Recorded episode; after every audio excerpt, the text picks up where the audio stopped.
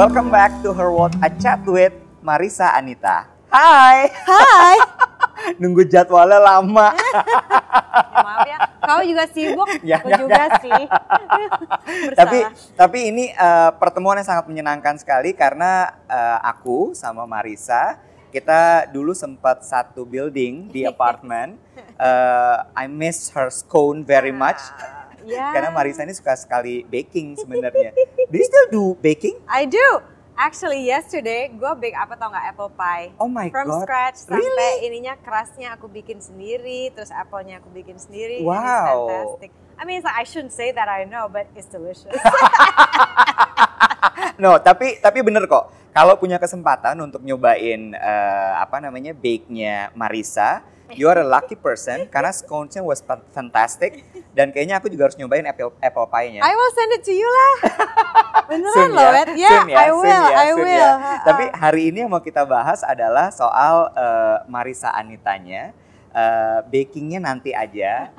Karena gini, eh, I'm a big fan of her. Hmm. Mulai dari Marisa pertama kali dulu di eh, Metro TV. Ya, oh Iya. my god. Itu udah lama Halo, banget. Metro. Iya. Tahun berapa ya? itu? 2000? 2008, Oh my god, 2008. 13 tahun yang lalu. Yeah, and she was a very big supporter of my brand, Tik Prive Oh. waktu itu. You still remember Yes, oh my god, of course. wearing my batik? Oh my god, of course. Gue masih ada loh, Bo. Iya, iya, iya, iya, iya. Gue masih ada Iya, loh. iya, iya, iya, iya. Pasti gue iya. pakai itu ya. Iya, iya, it's okay. Terus udah gitu, eh, Marisa pernah juga siaran radio, Brava Yes, Radio. Yes, Ya. You were the reason. Iya. Karena kamu invite. Iya. Terus kemudian dia mulai main film, eh, teater dulu, eh, Jakarta Players. Players. Terus kemudian film. Eh, waktu itu tahun lalu aku amazed banget dengan eh, perannya dia di eh, Perempuan Tanah Jahanam. Dan kemudian film-film berikutnya sampai akhirnya Marisa dapat Piala Citra. Congratulations. Oh, thank you. Untuk peran uta- eh, peran pembantu wanita di eh, Ali and the Queens. Ali and the Queens. Ratu-Ratu Queens. eh, I watched that also. Oh, thank you. It was amazing. Thank bagus, you. bagus banget. Em, cuma yang aku lihat ya banyak banget kontradiktif dalam hidup kamu. Seru nih pertanyaannya nih. Baru mulai sudah ditembak begitu. Gak apa-apa. I'm okay, sabar. Tapi gini, eh, aku nonton eh, interview kamu sama Dave di Brunch with Dave. Mm-mm. Terus aku baca eh, interview kamu sama Mbak Najwa di Itu aku belum baca. Iya. Bazar, Harper's Bazar di eh, profil duo. Menarik banget menurut aku. Kita mulai mungkin pertama dari interviewnya Dave dulu. Yes, itu setahun yang lalu. Setahun Thank yang you, lalu. Dave. I had so much fun. Yes, dan aku suka banget interview itu. It's very deep menurut aku. Di situ kan kamu cerita kenapa kamu nggak ada di Instagram. Ya. Eh, sekarang account sosial media kamu cuma Twitter, That's correct. ya. Dan itu juga nggak terlalu aktif lah ya, kayak. Mm-mm. Cuma kalau lagi ada project mau sharing sesuatu atau ada sesuatu yang muncul di pikiranku, terus aku rasa, oh this is interesting, I'll tweet. Oh. Nah, yang menarik kan kamu pernah bilang sama Dave waktu itu adalah eh, kenapa kamu mundur dari sosial media? Karena nomor satu, kamu belajar waktu kuliah tentang digital culture, how it affects the people and the Yeah. culture. And Dan the behavior, ternyata- perilaku kita diatur-atur sama digitalisasi ini. Yes, algorithm and everything. Terus kemudian kamu bilang juga and it affects you. Mm-mm. Kamu jadi anxiety, anxious, Iya, iya. iya kan? Mm-mm. Tapi yang menarik adalah kamu editor lead untuk Great Mind, which itu adalah digital media. Tell me about this first. Iya, tapi kan oke, aku kan emang lead editornya, Hmm. tapi kan kita itu satu tim gitu, bukan aku doang yang ngerjain, Hmm. karena foundernya adalah David Irianto dan Ben Subiakto. Iya. Selain itu juga ada beberapa staff members, terus Iya. ada juga yang ngurusin sosial media, Iya. Kenneth uh, Kenneth Williams dari Vokatif Iya. gitu. Uh, kita juga punya beberapa penulis juga, dulu ada Aulia Mediska. Mhm. So sebetulnya ya kalau misalnya aku dibilang ada interaksi langsung dengan uh, digital media ya enggak juga. I see. Interaksi langsungku hanya ketika aku mengeluarkan video dan tulisan on versus Mind. Oke. Dan itu pun juga ide-ide yang memang menjadi concern buatku gitu. Oke, Uh, oke. Apakah itu uh, tidak hanya menjadi concern ya. Biasanya kalau menjadi concern itu ada hubungannya atau ada kaitannya dengan diriku gitu. Ya. dan aku merasa bahwa uh, kalau misalnya apa kayak semacam ilmu-ilmu yang selama ini gue pelajari itu Mhm. berguna buat gue, mungkin di luar sana juga berguna buat orang lain. Kalau nggak Oke. berguna juga nggak apa-apa, I'm just sharing. Oke, jadi artinya eh, kamu nggak terlalu concern dengan data yang diakibatkan dari video tersebut. No, I don't care. You don't care. I don't care about views. Yeah, I don't yeah. care about about uh, apa how many likes or Yeah, whatever yeah. gitu. Karena karena karena gue tahu gue cuma manusia, wet. Ya. Gue itu pasti ya siapa sih yang nggak suka untuk disukai? Ya kan semua orang suka gitu. Tapi kalau misalnya kebutuhan itu berlebihan, itu jadi berbahaya buat mental kita. Hmm. Makanya kalau misalnya bikin video ya bikin mah bikin aja gitu. Kalau misalnya disukai dan dianggap berguna ilmunya syukur. Kalau misalnya nggak dianggap berguna dan tidak disukai ya nggak apa-apa gitu. Uh, semakin nambah umur, I think the more I don't really care about, It's really nice. right? Yeah, Right? yeah, yeah. So you, You treat I mean? you treat uh, Great Mind as a medium. Iya, untuk sharing. Ya, untuk untuk sharing, untuk Hmm. menyampaikan isi kepala, Dan your juga thoughts. dan juga membuat karena gue tuh sangat tidak suka merasa nyaman di merasa tidak nyaman di dalam ya di pikiran dan di hati gitu. Mhm, mhm. dan gue paham bahwa internet ini telah membuka begitu banyak kecemasan Mhm. bagi para penggunanya Mhm. gitu ya pengguna Mhm. internet pengguna sosial media apalagi gitu and I think karena gue tahu rasanya nggak enak dan I'm sure di luar sana banyak orang yang juga merasakan hal yang sama kegundahan kecemasan ini it's not good when a society is cemas you know True, true. Ketika masyarakat itu isinya orang-orang cemas semua. Iya. pasti keputusan-keputusan yang diambil juga jadi tidak baik. Iya, jadi kita kayak society yang cemas gitu. It's Iya. like, what? Jadi nggak sehat kan semuanya. iya gue Iya, stres ya. banget gitu mikirinnya. Terus gue pikir ya our aim di Great Mind adalah yuk kita sharing sharing aja gitu apa yang kita rasakan. Dan ketika kita sharing itu kan orang lain jadi tidak merasa sendiri. Iya, ketika dia tidak merasa sendiri dia kan jadi merasa agak lebih nyaman Iya. gitu dan mungkin bisa bisa me- bisa apa istilahnya trigger mereka untuk untuk mencari cara untuk nyaman dengan diri sendiri akhirnya dengan caranya sendiri pertanyaan. Di Great Mind kan juga pasti ada kayak annual meeting, Mm-mm, yearly mm-mm. meeting gitu ya, Mm-mm, di mana di situ pasti dibahas soal, oke result of our works sekian sekian sekian sekian gitu ya, and I know Ben. Oh gitu untungnya selama ini Nah. gue nggak pernah di ini Nah itu jadi jadi artinya emang thank udah you ya Ben Dave jadi emang bener-bener di udah cut ya kalau Marisa udah bener-bener semua masalah thoughts all the business kamu udah nggak ikut sama sekali. no no it's not my interest Oke oke that's good. iya pokoknya I try to perform Ya. sebaik mungkin Ya Uh, kalau misalnya dianggap kurang baik ya nggak apa-apa dikasih feedback Iya. kemudian aku improve ya Uh, kalau misalnya nggak dikasih feedback oh ya udah Iya. uh, tetap lanjut dengan Iya. apa yang aku percaya Iya. gitu ya dalam Iya. bekerja atau Iya. mengeluarkan tulisan atau video ya. dan so far Ben sama Dave sih nggak pernah komplain ya thanks guys thanks guys Lucky you. I know iya mungkin mereka paham kali ya Iya iya. iya. kalau I I think I think they both understand and quite sensitive to Ya. That's to, really to nice. how I am gitu Yes, bahwa gue emang yes. bukan orang bukan orang data dan Yeah. bukan orang bisnis. I mean Yeah. bisnis ada lagi uh, rekan kita yang ngerjain Yeah, gitu, yeah. marketing segala Yeah, macam. yeah. Ya we all have our own roles. Iya. gitu. Oh that's nice. Nah kontradiksi yang berikutnya adalah Hmm. you're an Aries. Eh, Tris? Kamu bintangnya Aries. Aries itu kan kompetitif banget, ya. Sementara aku baca di interview kamu sama Mbak Najwa, kamu bilang bahwa kamu nggak punya goals no. dan tidak bikin resolusi. Karena kan di interview itu dibilang bahwa, wah udah mau akhir tahun, apa yang mau kamu capai di tahun depan? Terus kamu jawab dengan, oh I don't have it mbak. And I was like, wow, ini kontradiktif nomor dua, kontradiksi nomor dua nih. Udah sejak kapan Marisa nggak bikin uh, resolusi? Nggak pernah bikin. What? Never. Dari dulu? Mm-mm. Nggak pernah bikin. Not that I remember ya. Karena emang dari kecil tuh targetku itu sangat-sangat sederhana. Hmm.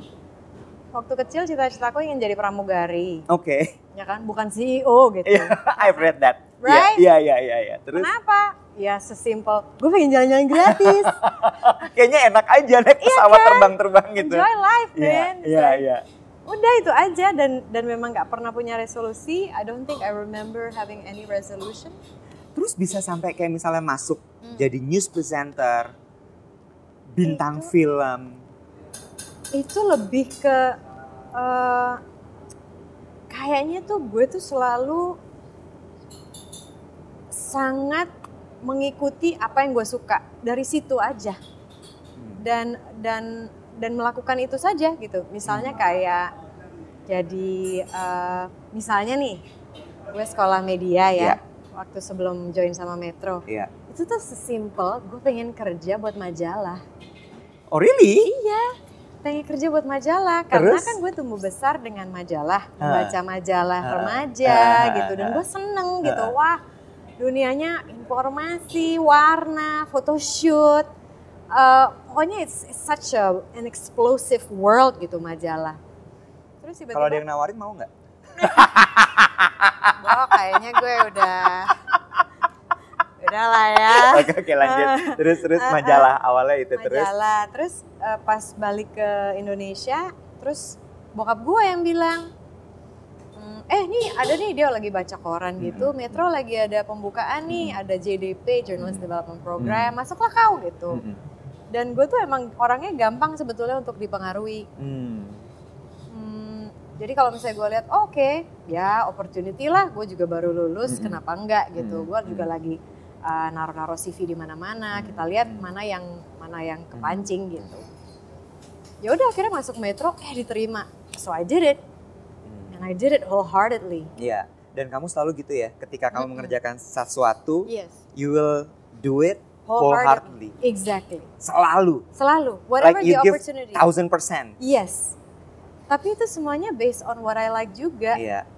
tapi gue nggak nyadar ya wet maksudnya waktu kecil gue nggak pernah berpikir bahwa oh ya suatu hari gue akan jadi jurnalis gitu jauh banget bo Uh, jurnalis tuh kayak maksudnya pekerjaan yang very like wow Iya. so serious Iya, gitu iya. I didn't even like politics Iya. why would I want to be a journalist you Iya. know Iya. But ternyata aku dari kecil itu suka suka dengan cerita Hmm, storytelling yang kamu ambil sebenarnya. iya tapi lebih pasif ya dulu Iya. waktu kecil kan aku memang seneng banget nonton film Iya. bapak itu yang memang Mhm. seneng nonton film. Mhm. Jadi uh, di antara kita bertiga, aku Michael dan Mario, we siblings itu memang yang paling enchanted by films tuh aku. Oke. Yang bisa dengan sendirian nonton bioskop Iya. tiap minggu, tiap weekend sendiri and I was fine because there's something magical about film that just made me so happy, you know. So I guess film kemudian ketika jadi reporter oh ternyata ini dunia cerita juga gitu. Iya. Tapi non fiksi kan. Iya. And I loved it so much uh, sampai sekarang sih sebetulnya. So you love storytelling. I do. I love hearing people's stories karena it made me kayak dan dan sebetulnya jurnalisme ya yang non fiksi itu dengan film yang sebetulnya fiksi tapi berdasarkan uh, pengalaman-pengalaman manusia yang non fiksi ya kan Hmm. itu saling berkaitan Iya. gitu dan dua-duanya itu memberikan aku pengalaman manusia yang luar biasa yaitu belajar untuk mengasah empati terhadap orang lain. Iya. Ya kan? Betul. Makanya aku suka banget dengerin orang ngomong, apalagi dengerin orang tua ngomong. Orang yang udah lebih tua ya. Maybe in their 60s, 70s, Iya. 80s, 90s. Iya. Wah, kalau They udah- have wisdom. Oh my god, Bo Iya. wisdom dan bayangin loh pengalaman hidup mereka 80 tahun itu gila kaya banget kan Iya. it's an amazing empathy learning experience Hmm, Amazing. Eh, apa yang kamu dapatkan dengan tidak membuat goals dan juga resolusi? Apakah hidup lebih tenang? jauh karena nggak pernah punya target kan Hmm. maksudnya mungkin mungkin karena nggak tahu ya secara alami aku juga bukan tipe orang yang nggak tahu lah dari kecil memang nggak pernah punya goal gitu Mhm. Tapi di saat yang sama kalau aku boleh refleksi sekarang itu, sebetulnya nggak punya goal itu jadi kayak mengatur ekspektasi gitu loh. Nah, Ya kan? ya. Kalau kita udah punya goal di sini nih, pokoknya lima tahun lagi gue harus jadi CEO startup. Hmm. Itu kayak pressure buat gue. Iya, iya. And I don't think I need that pressure. Kamu nggak suka dikasih pressure seperti itu ya? Nggak bisa, nggak nggak bisa gitu. Jadi nggak bisa mikir. Ini menarik loh, Mar. Hmm. Menarik dalam artian gini, nggak semua orang bisa menemukan dirinya sendiri. Hmm. Kamu kenal sekali dengan diri kamu. I try to. I mean, at least kamu menjalankan sesuatu yang kamu suka. Itu Yes. itu bagian dari mengenali diri loh. Hmm. Banyak orang banyak banget. Aku bikin satu survei di Instagram kemarin. Apakah kamu sudah mengerjakan hal yang kamu suka dalam hidup? Hmm. Dari hati? Yeah. Jawabannya tidak. Really? Like 70% of them tidak menjalani hidup mereka sesuai dengan keinginan dirinya. Keinginan hatinya. Ada jawabannya nggak? Maksudnya ada kayak mereka bisa mengelaborasi gitu? No, nggak? aku bikinnya cuma survei yang Oh, kayak cuma yes or no ya, yes gitu. or no. Oke, menarik. Nah cuma yang aku pengen tanya adalah Hmm. ini cerita yang menarik untuk di share. Gimana caranya untuk bisa mengerjakan sesuatu yang memang kamu senangi? Karena kan dalam hidup apalagi udah dewasa kayak gini kita terbentur dengan ada cicilan, you know, kebutuhan hidup. Yes. How? Life is choices that you make. Hmm.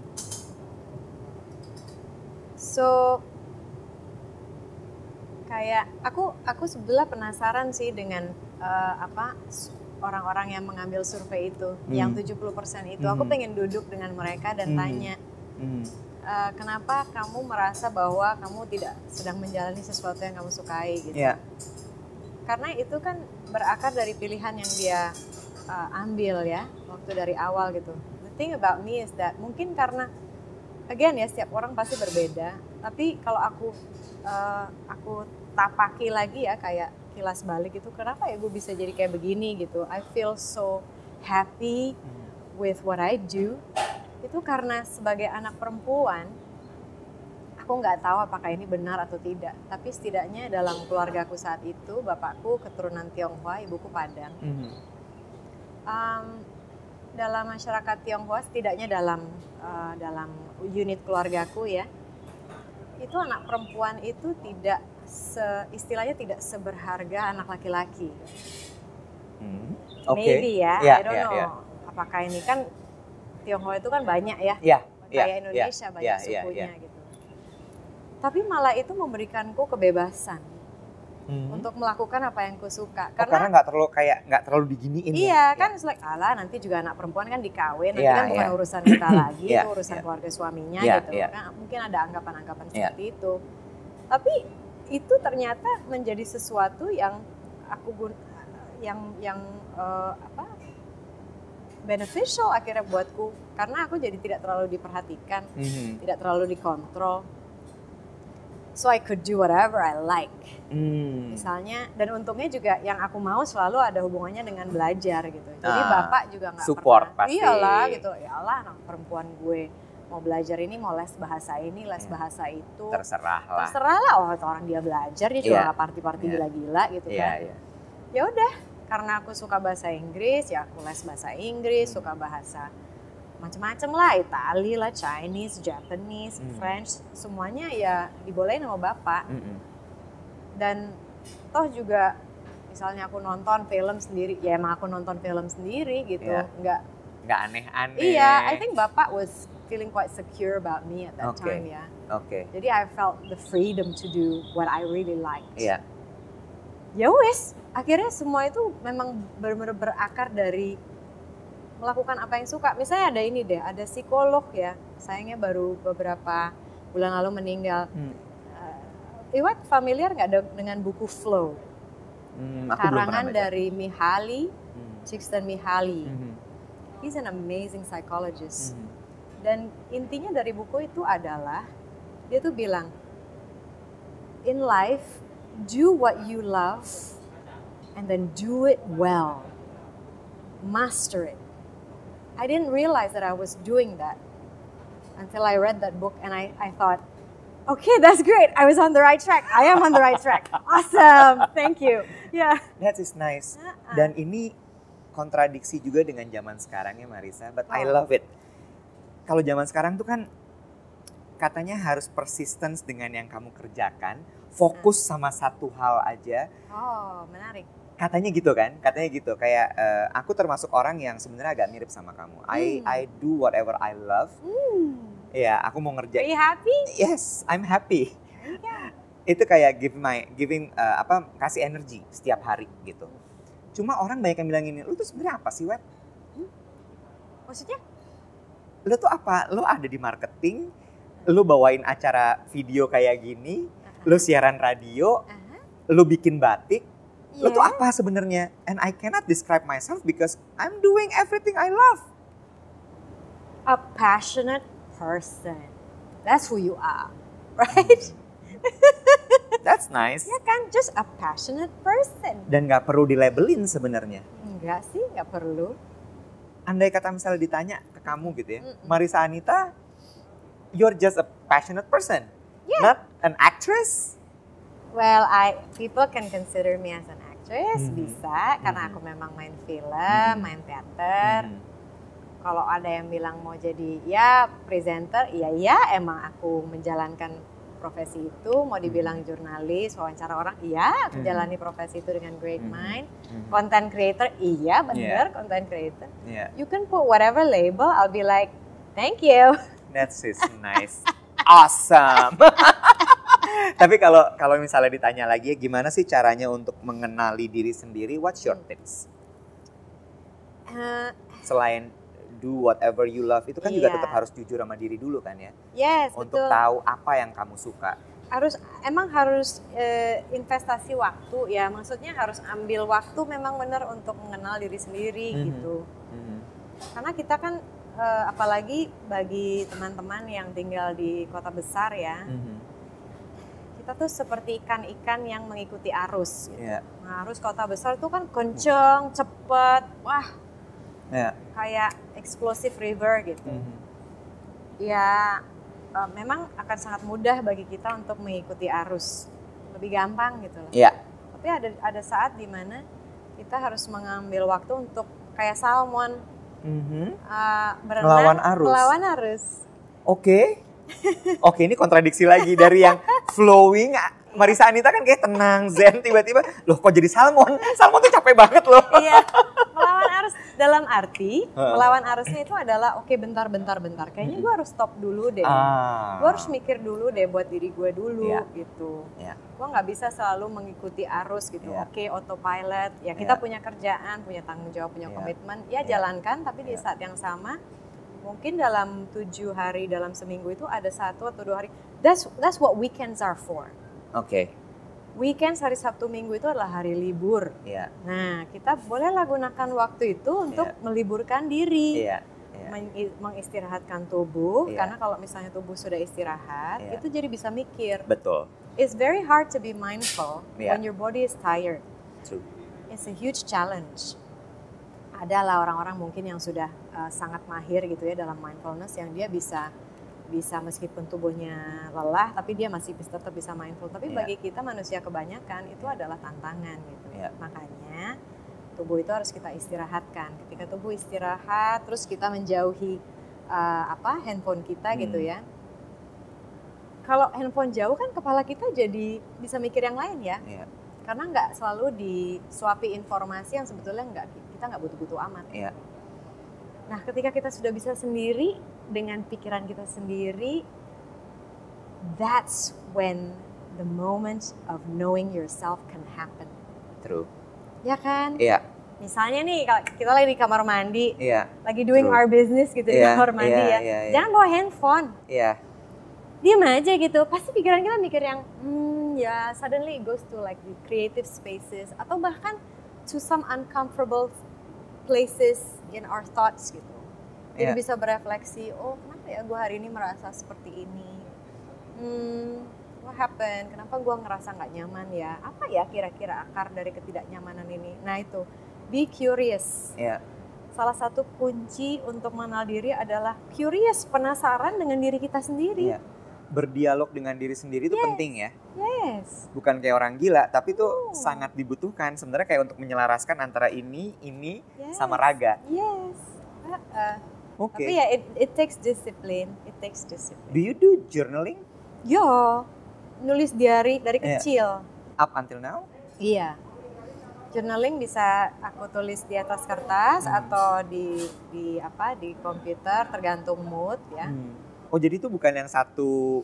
Jadi bisa ada di mana-mana sebenarnya. Dua aja ada satu ada Buku. satu aplikasi di mm, apa di laptop, kemudian Ah. ada satu lagi di buku. Mm-mm. So I just journal whatever, ngomong ngalor ngidul aja, nggak apa-apa. Oke. And then the second thing I would do is selain journaling, uh, ini apa meditation yang practical. Hmm. Itu kayak apa sih meditation practical itu? Kayak kadang-kadang kan ada orang yang duduk begini tuh ngerasa kayak, aduh nggak enak Mar. Iya. Gue disuruh duduk 10 menit, 30 menit kayak gini kayak pikiran gue ke mana-mana nggak Iya, nyaman iya, lah. iya. So usually what I do is misalnya kita lagi mel- melakukan satu kegiatan kayak nyuci piring, bersihin rumah, Ah, itu tuh sangat terapeutik buat gue. Iya, Sangat terapeutik. iya. Atau jalan di Bersihin tempat tidur. Iya, bersihin rumah, ngepel, nyapu segala Iya, macam. iya, And that's iya. why I don't have uh, asisten rumah iya. tangga. Karena itu adalah uh, bagian dari meditasiku gitu. Oke. Terus uh, bisa juga misalnya lagi lagi melakukan apa pun deh, misalnya lagi minum nih wet, minum Ah. teh ini, Hmm. minum teh bisa cuma yang glok gitu. Ah, enak. Ah, Atau you look at the tea and then you imagine like what the the people who actually grew the tea leaves Iya, trace Iya. back gitu. Ah, the sun, iya. matahari yang Iya. menyinari uh, Iya. apa daun teh itu sehingga menghasilkan daun teh yang segar ini Iya. yang akhirnya dipetik oleh uh, pekebun gitu Iya. ya, Iya. diproses oleh pabrik Iya. sehingga bisa sampai di sini, Iya. terus bisa aku nikmati betul hasil kerja keras dari alam dan orang-orang yang bisa menghasilkan ini, Iya. right? It's a nice slowing down moment, appreciative moment, and then when you drink it, it's like, wow, teh ini hangat, harumnya, teh ini masuk ke tubuhku, and it makes me feel good. Really you have to nice. slow down, Nice, slow nice. down processes in life. Did you learn this from Buddhism philosophy? Yes, Tell me Kamu- about it. kamu familiar ya? Iya. Iya kan? I- I- Ah. aku baca banget buku soal Buddha. Hmm. Ya, aku suka filosofi-filosofi yang di situ, walaupun Iya. juga banyak juga yang ternyata ada korelasinya dengan uh, kitab agama yang aku anut gitu. Hmm, menarik. Intinya adalah sebenarnya ya keseimbangan itu kan antara Yes. manusia dengan atas dengan lingkungan sekitar. Yes. Ya, walaupun memang diterjemahkannya dengan sangat baik gitu, di- ditulis kembalinya dengan sangat baik. Mm-mm. Apa yang kamu pelajarin dari Buddhism ini? Karena kamu selalu mention Mm-mm. filosofi, psikologi, Mm-mm. sama Buddhism. Yes. Lucu ya. Sebetulnya eksplorasiku terhadap Buddhism itu ternyata ketertarikannya itu dari masa kuliah. Oh ya. Tapi sempat ya udahlah, sempat kayak oh ya baca buku Buddhism waktu itu Smile kalau nggak salah Mhm. mm, bukunya itu ada icon smiley Mhm. gitu. Tapi cuma touch itu sedikit terus kayak terlupakan gitu atau dilupakan. Sampai akhirnya di tahun 2015 itu masaku gonjang-ganjing luar biasa secara mental. Hmm. Terus Oke, lanjut Yes. dulu, lanjut Iya, dulu. iya. lanjut dulu, terus, terus. gonjang-ganjing secara mental terus uh, That's it- when you leave radio and everything. Isn't that interesting? Hmm, ya kan kalau di napak tilas Iya, lagi iya, kelihatan kan iya. simptomnya Iya, gitu. iya, terus. Aku gonjang-ganjing eh, secara mental terus ya nggak apa-apa gonjang-ganjing secara mental itu biasanya akan mendorong kita untuk mencari tahu nih mengulik ke dalam gue ini kenapa gitu ya. Tapi I was already in my 30s as well. Biasa orang kan bilang kalau misalnya usia 30-an tuh usia di mana kita tuh secara natural, secara alami mengeksplorasi diri gitu. Ya wes, eh, pas tahun 2015 mulai gonjang-ganjing secara mental. Terus eh, untungnya aku dapet chevening di 2016 untuk sekolah lagi. Iya. Pas banget gitu ya. Kayaknya memang aku butuh mencerabut diri dari Iya. Dari kehidupanku saat itu untuk berada di suatu situasi lain yang memberikanku waktu untuk melihat ke dalam. Iya. Belajar sih belajar, tapi di saat yang sama itu jadi proses Iya. aku mengenal diri. 2017 meledak lagi, Oh iya, so unstable. dua Jadi- kali. Iya dua kali. Karena kan 2015 belum selesai, Oh itu masih iya, proses iya, terus iya, kan, iya, Wet. iya, iya. 2017 tuh in March, such a terrible month for me. Uh, terus akhirnya aku menemukan buku dari Thich Nhat Hanh, Mhm. yaitu Zen Buddhist monk. Mhm. Hmm, Orang mungkin selama ini mengenal sekali Dalai Lama gitu Yes. ya, dan Thich Nhat Hanh ini mungkin yang nomor dua yang dikenal. Mhm. Uh, dan aku suka sekali dengan dengan uh, apa yang dia tulis di buku itu. Pada saat itu aku ingin tahu kenapa ya gue tuh emosi gue tuh bisa kayak gini-gini loh, Wet. Hmm. bisa marah sinting, terus sedih sinting. Oke. Itu kan perasaan yang nggak enak ya, Wet. Iya. Gila loh, perasaan kayak wek, wek, wek, wek. Hah. And then I was like, kenapa ya gue bisa kayak gini? Why? So I learned what anger is. Hmm. Itu dari bukunya Thich Nhat Hanh yang pertama, Anger, The Art of Cooling the Flames. Iya. Dan sejak itu ya mulailah eksplorasiku terhadap beberapa ajaran-ajaran ada ajaran-ajaran Buddhism gitu. Yang Apa itu anger berarti dari buku itu dan pengalaman kamu? aku nggak inget secara pasti anger itu apa, but at that time, that book has led me to explore what is or what was the core of my pain. Ah. Anger itu adalah manifestasi dari Iya. luka Iya. yang tidak sembuh atau belum sembuh gitu. Iya. Ya kan? Ah.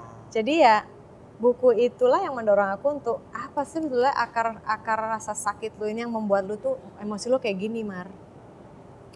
And then I found out it's my childhood trauma. So bisa panjang nih wet kalau misalnya gue ini Oke. nonton Great Man dah. Ya. Tapi iya maksud aku gini, Ah, itu ah. selalu jadi sesuatu yang sangat menarik mengenai childhood trauma. Mm-mm. Karena eh, ternyata banyak yang tidak tuntas dan Yes. I don't know ya generasi kita sampai tuh kita, kadang-kadang bahkan sampai orang itu meninggal masih belum tuntas. Betul.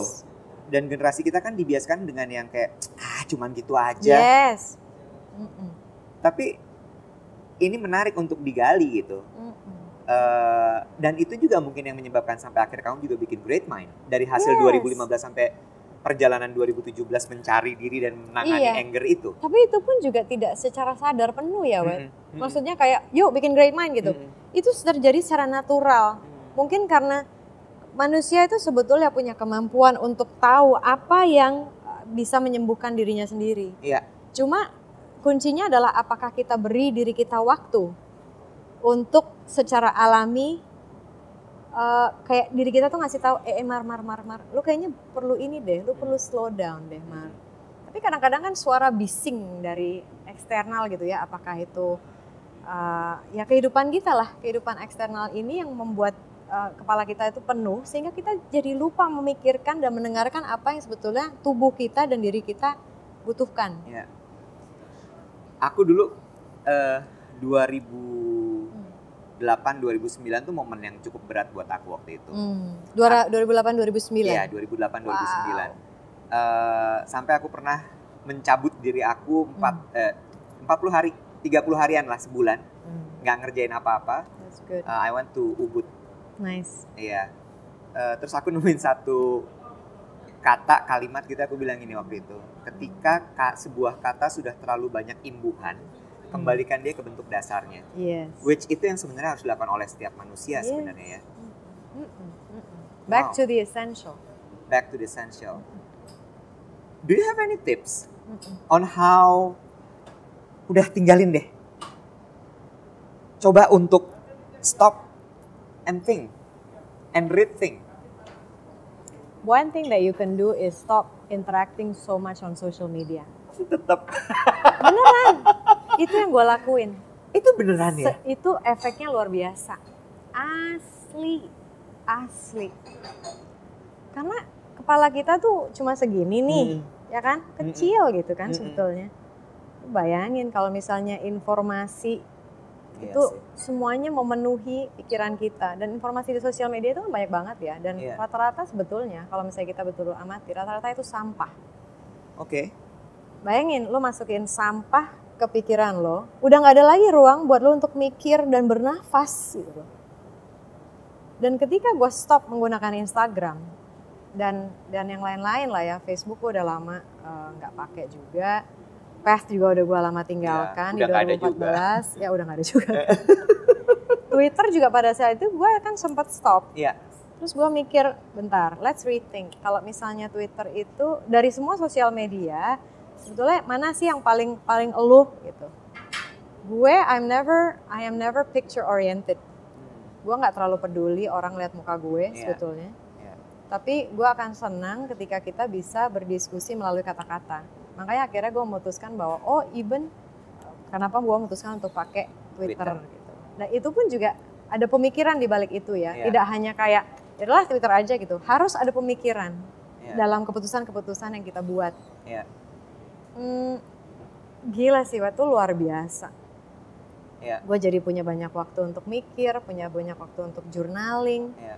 punya banyak waktu untuk melakukan hal-hal yang gue suka. Pikiran gue tuh nggak penuh dengan informasi-informasi yang sampah dan tidak perlu gitu. Otak kita itu, menurut ilmu eh, apa, hmm, menurut neurologi ya, otak kita itu sebetulnya kan bisa berubah. Betul. Uh, makanya ada teori habit itu, teori Mhm. kebiasaan. Iya. Ya kan? Kalau Iya. misalnya lu punya kebiasaan ini, istilahnya kalau otak kita itu punya jalan ya, Mhm. punya jalur-jalur. Mm-mm. Jalur yang paling kita latih itulah adalah jalur yang paling luas. Iya. Jalan yang paling luas. Iya. Sehingga pikiran kita akan selalu cenderung ke sana dan ke sana lagi. Iya. Nah, orang-orang yang menggunakan sosial media secara masif itu pikirannya kan selalu dibawa ke mana-mana ya. Konsentra kemampuan konsentrasi mereka itu akan sangat pendek karena sosial media nature-nya seperti itu. Iya. Kalau orang itu tidak mampu konsentrasi, bagaimana dia mampu berpikir? Bagaimana dia mampu meng- mengambil keputusan-keputusan yang jelas dan baik? Karena terlalu terlalu terlalu bingung gitu. Jadi jadi nggak tahu mana yang sebetulnya relevan dan irrelevan. This is true in neurology. Kau coba wawancara seorang neurolog. Because of that, karena itu, karena aku sangat aware dengan ilmu yang sudah mereka temui, temukan ini, aku jadi sangat hati-hati dengan apa yang aku lihat, apa yang aku baca, itu pasti akan affecting langsung eh, apa eh, emosi kita dan eh, apa bagaimana otak kita Iya. bekerja gitu. Gue nggak mau gue diatur-atur, cara berpikir gue diatur-atur oleh sosial media. Oh, that's nice. Gimana caranya kamu untuk terupdate kalau gitu dengan dunia luar? Ya pasti kan ada aja orang yang selalu ngomong, Mar, Mar tahu nggak ini lagi trending loh Mar. I bet it's David. iya kalau lagi meeting ya deh sama Primo. Orang tuh lagi ngomongin ini, Mar. Oh iya? iya, iya ini lagi trending loh Mar. Oh gitu.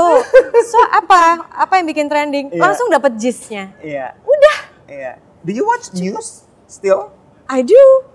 Tapi yang gue tonton tau nggak apa? Deutsche Welle. Oh, you speak Deutsch. No.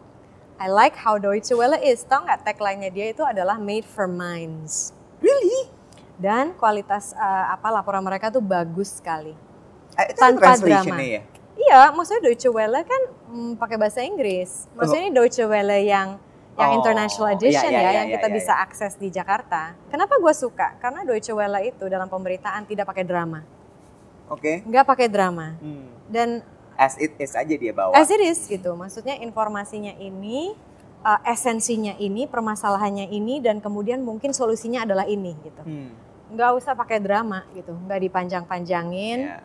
Uh, kalau misalnya cukup Nggak di durasi framing yang aneh-aneh. Enggak, ah, ah. it is what it is. Uh, let's think about this problem gitu. Oke. Makanya aku kalau misalnya nonton international news, I only watch Deutsche Welle. Ada lagi yang lain sumber berita kamu informasi selain Hmm. eh, teman-teman seperti Dave dan juga Primo? kalau misalnya memang lagi ada isu yang panas, ya udah aku Google sendiri, browsing, browsing baca sendiri, website ah, baca macam website gitu ya. sendiri gitu. Jadi informasi yang aku dapatkan tuh nggak cuman kayak Snippet-snippet. iya itu loh. Itu, kan- bahaya sekali. itu kan bahaya. itu bahaya kan. sekali. Dan yang kita kita Tuh, I kan? work in media ya. Ya, ya sih. Yang aku selalu bilang adalah bawa konteks dari setiap headline yang kita baca di sosial media. Karena kalau kalau kita bekerja di media dan tidak membuat itu, kita dosa besar. Cuman ngasih snippet, cuman ngasih headline, nggak ada konteks. Sensasionalnya aja. Oh my god, Ya, itu I hate that. Itu kriminal. Mm-mm, betul, betul. Jadi Itu apa? kriminal. Ya kan, objektif lo ini ngeluarin berita ini untuk apa? Bikin orang kesal, bikin orang marah, Iya. bikin kliknya banyak. Iya, iya. What kind of society do we want Yeah. to have? You Yeah. know, we want a thinking society, True. not an angry society. True. Nah, problemanya adalah beberapa tahun terakhir terutama dengan uh, apa sosial media itu ya. Sosial media kan paling suka dengan klik ya. Iya. Karena semakin banyak klik, semakin banyak uang yang mereka dapatkan. True. Ya, ya nggak apa-apa. Maksudnya misalnya mereka bilang bahwa ya yeah, this is the way we run our business, ya nggak apa-apa gitu. Profit is okay. Hmm. Itu adalah hak ya. Hmm. Tapi it becomes a problem when you're destroying the people, the users mind. Ya. Yeah. Yeah. And the yeah. way they make decisions. Yeah ketika itu mereka jadi itu. bingung ya. terus ketika uh, bahkan uh, ada juga beberapa sosial media platform yang bahkan uh, kebohongan yang ada di dalam platformnya itu telah menghasilkan apa ya uh, telah membunuh mm-hmm. orang-orang yeah. contohnya di Myanmar gitu yeah. itu menjadi tidak lagi oke okay. yeah. it's not right yeah. that becomes a huge problem profit over people's yeah. lives yeah kita nggak punya banyak waktu untuk ngobrol sama Marisa. Sebenarnya masih banyak sekali yang bisa dieksplor. Mungkin kita akan sambung lain waktu. Tapi uh, sebuah penutup mungkin dari dari Marisa. Bagaimana caranya untuk bisa kita survive di dunia yang sangat cepat ini, dunia digital yang luar biasa. Uh, I have to say absurd, maybe. Yeah, it is. Tidak menentu walaupun katanya sangat fix everything wow, ya, ya, ya sangat precise gitu ya, kan. Katanya kan very precise kan kalau mm -hmm. digital kan. Mm -hmm. Apa yang kamu ingin sampaikan kira-kira? I think teknologi itu baik. Tapi itu menjadi baik ketika kita tahu harus memilih teknologi mana yang baik untuk kita. Hmm. Kayak handphone gitu ya. It's a great invention aku pun menikmati gitu uh, beberapa kemudahan yang handphoneku berikan gitu, teknologi yang di dalamnya berikan. Tapi di saat yang sama, kalau misalnya kita tidak punya kontrol terhadap teknologi yang ada di dalam handphone itu, kita jadi terbawa. Jadi teknologi yang makan kita, bukan kita yang makan teknologi gitu. Dan itu sih sebetulnya kayak just satu mungkin ya kenali dulu diri sendiri apa sih sebenarnya yang gue butuhkan karena ketika kita tahu apa yang kita butuhkan, akan lebih mudah kita membuat keputusan-keputusan yang baik untuk kita dan juga orang-orang di sekitar kita. Itu itu aja sih Wat sebetulnya. Dikembalikan setelah kita mengenal diri sendiri, mm -hmm. maka kita tahu bagaimana mengontrol mm -hmm. semua hal yang ada di luar ini. Iya pun kalau misalnya ada hal-hal yang tidak bisa kita kontrol, kita lebih tahu bagaimana cara menghadapinya. Iya. And that's yeah. important. I know. I know. Karena ya tidak semua hal bisa kita kontrol tuh, tapi diri kita bisa. There you go. Thank you so much. Thank you so much. Jadi panjang loh. Sampai ketemu lagi. Bye. Bye.